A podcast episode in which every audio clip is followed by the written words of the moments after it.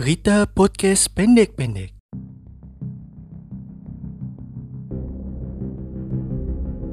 Seorang pria berusia 43 tahun di Kelurahan Girian Indah, Kecamatan Girian, Kota Bitung, Sulawesi Utara, menusuk saudaranya sendiri dengan menggunakan parang. Korban yang saat itu dalam keadaan mabuk berdebat dengan pelaku mengenai pertandingan final Euro 2020 yang berujung pada saling ejek dengan mengatakan Biongo Ngana. Korban yang tidak terima mengambil parang yang dibawanya. Perebutan parang terjadi hingga pelaku berhasil merebut parang dan menusuk korban di bagian paha sebelah kiri.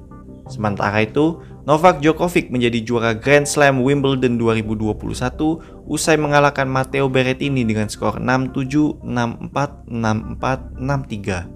Sementara itu, Dustin Poirier dinyatakan menang secara TKO pada akhir ronde pertama setelah Conor McGregor mengalami patah tulang tibia pada lanjutan UFC 264 di T-Mobile Arena, Las Vegas, Amerika Serikat.